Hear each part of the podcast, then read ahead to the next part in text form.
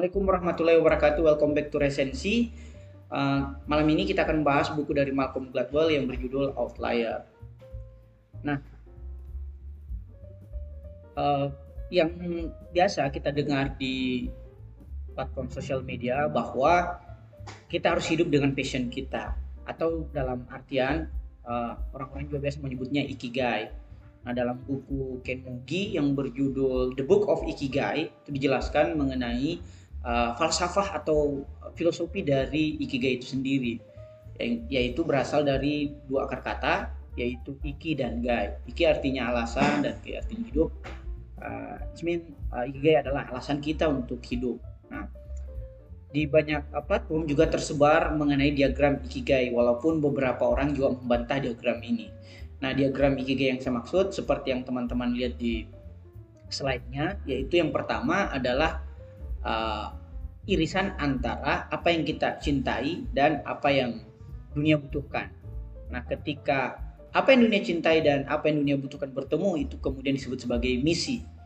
Nah, irisan yang kedua adalah ketika Eh, terjadi kombinasi antara apa yang dunia butuhkan dengan apa yang kita dibayar atasnya. Itu yang kemudian disebut sebagai vocation atau pekerjaan. Jadi tadi uh, di materi sebelumnya kita menjelaskan mengenai gimana sih mendapatkan pekerjaan yang kita cintai. It's not about passion. It is it's all about uh, work atau vocation. Jadi belum menyentuh apa yang kemudian disebut sebagai passion. Nah, Irisan ketiga yaitu profesi adalah pertemuan antara uh, apa yang kita mampu dibayar atasnya atau apa yang uh, kita dibayar, apa yang kita ahli atau what you are good at atau uh, di mana bidang kepakaran kita. Itulah yang kemudian disebut sebagai profesi. Nah, yang terakhir adalah passion. Passion itu adalah irisan antara apa yang kita cintai atau apa yang Anda cintai dengan apa yang uh, kita ahli di dalamnya. Nah, itulah yang kemudian kita sebut sebagai passion. Jadi passion bukan sesuatu yang hanya sekedar kita cintai dan kita kerjakan, itulah passion kita. It's no. Jadi uh, passion itu adalah perjuangan antara uh, walaupun modalnya adalah apa yang kita cintai, tetapi dia membutuhkan keahlian, yaitu what you are good at. Sehingga kita membutuhkan uh, kita membutuhkan prasyarat apa yang membuat seorang disebut sebagai pakar. Mengapa seorang disebut sebagai pakar? Nah, ketika passion merupakan kombinasi antara apa yang kau cintai dengan keahlian Anda atau apa yang Anda cintai dengan keahlian Anda, maka pertanyaan kemudian bagaimana seseorang bisa mencapai keahlian? Nah, ada buku menarik yang membahas tentang uh, kepakaran yaitu buku dari Tim Nichols yang berjudul Matinya Kepakaran atau The Deed of Expertise. Nah, di situ di dalam buku itu Tim Nichols menjelaskan mengenai empat kualifikasi kepakaran. Yang pertama tentunya pengalaman atau track record. Nah, track record ini kita membutuhkan uh, setidaknya 10.000 jam. Nanti kita akan explore lebih lanjut apa yang dimaksud 10.000 jam. Yang kedua adalah sertifikasi atau ijazah, misalnya D1, D2, D3, S1 sampai S3, ataupun sertifikasi-sertifikasi uh, keahlian. Yang ketiga adalah bakat. Nah, bakat itu artinya kemampuan alami kita sejak kecil. Misalnya ada anak kecil atau dulu ketika kita waktu kecil sudah mampu menyanyi atau menggambar, itulah yang kemudian disebut sebagai bakat kita. Nah, yang keempat adalah legitimasi dari lembaga uh, profesi atau rekan sejawat. Misalnya uh, background saya misalnya di hukum mungkin uh, Pradi atau Perhimpunan Advokat Indonesia ataupun uh, ID misalnya bagi teman-teman dokter atau bagi teman-teman uh, peneliti juga punya uh, rekan sejawat atau lembaga profesi.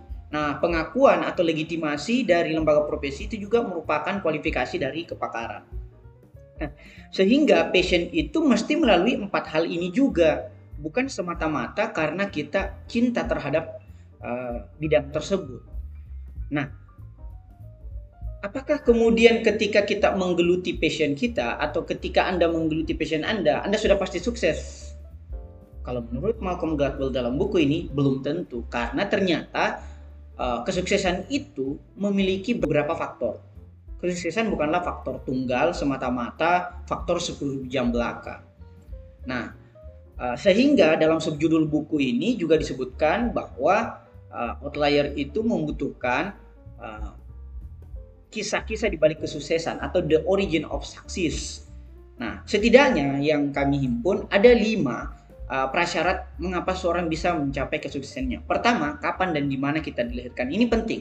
Ketika kita dilahirkan di daerah yang uh, cukup tertinggal, maka peluang kesuksesan kita itu relatif relatif lebih tipis dibandingkan mereka yang dilahirkan di kota yang ditunjang oleh berbagai fasilitas termasuk kapan kita dilahirkan. Misalnya ketika kita dilahirkan uh, pada pada abad-abad yang lalu yang masih sangat minim teknologi dan informasi, mungkin kita menjadi orang yang juga minim informasi secara sekuler tentunya. Yang kedua, apa pekerjaan orang tua kita itu juga menentukan uh, kesuksesan kita. Karena orang tua yang kemudian bisa mendidik kita atau mengarahkan kita bahkan membimbing kita untuk mencapai titik kesuksesan kita walaupun tidak jarang uh, orang tua juga lah yang kemudian menjadi pembunuh uh, mimpi dari anak-anaknya. Yang ketiga bagaimana uh, lingkungan kita dibesarkan.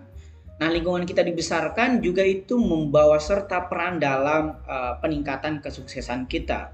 Misalnya ketika kita dibesarkan pada lingkungan yang uh, Texas katakanlah atau lingkungan yang lingkungan yang dipenuhi dengan kriminalitas, maka kita akan sulit berkembang menjadi seorang yang sukses ketika kita tidak berani keluar atau jiwa kita tidak lebih besar dibandingkan jiwa lingkungan kita. Yang keempat, bagaimana peranan budaya luhur membentuk kepribadian dan masyarakat kita. Misalnya, ah, dalam buku ini disebutkan bagaimana orang Yahudi yang kemudian bermigrasi di Amerika lebih survive ketimbang mereka yang hanya mengandalkan uh, tradisi-tradisi uh, uh, perkotaan. Berbeda dengan mereka yang betul-betul mengembangkan tradisi leluhur mereka, maka mereka akan tetap uh, disokong oleh berbagai kepercayaan atau budaya yang telah dianut oleh masyarakatnya.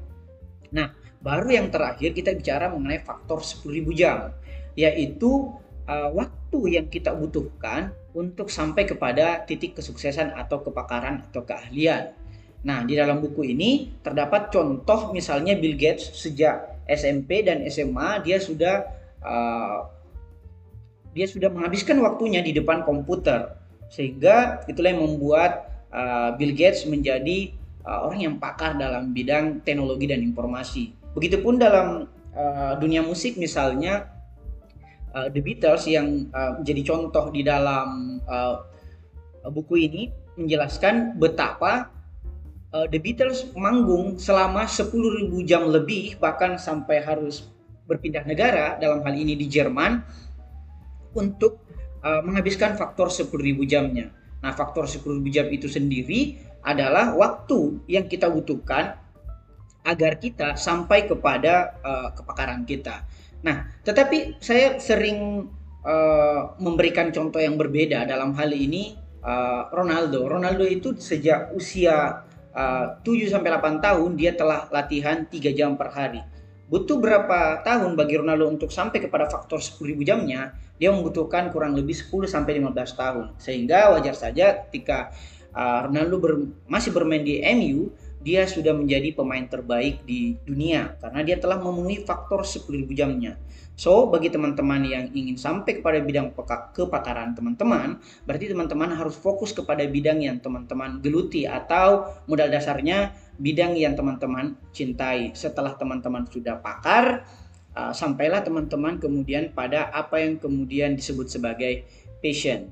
Nah, jadi passion itu tidak sesederhana apa yang kita cintai belaka, tetapi passion itu adalah kombinasi dari apa yang kita ahli di dalamnya dan apa yang kita cintai. Semoga teman-teman uh, sampai kepada titik passionnya masing-masing. Saya akhiri. Uh, Assalamualaikum warahmatullahi wabarakatuh.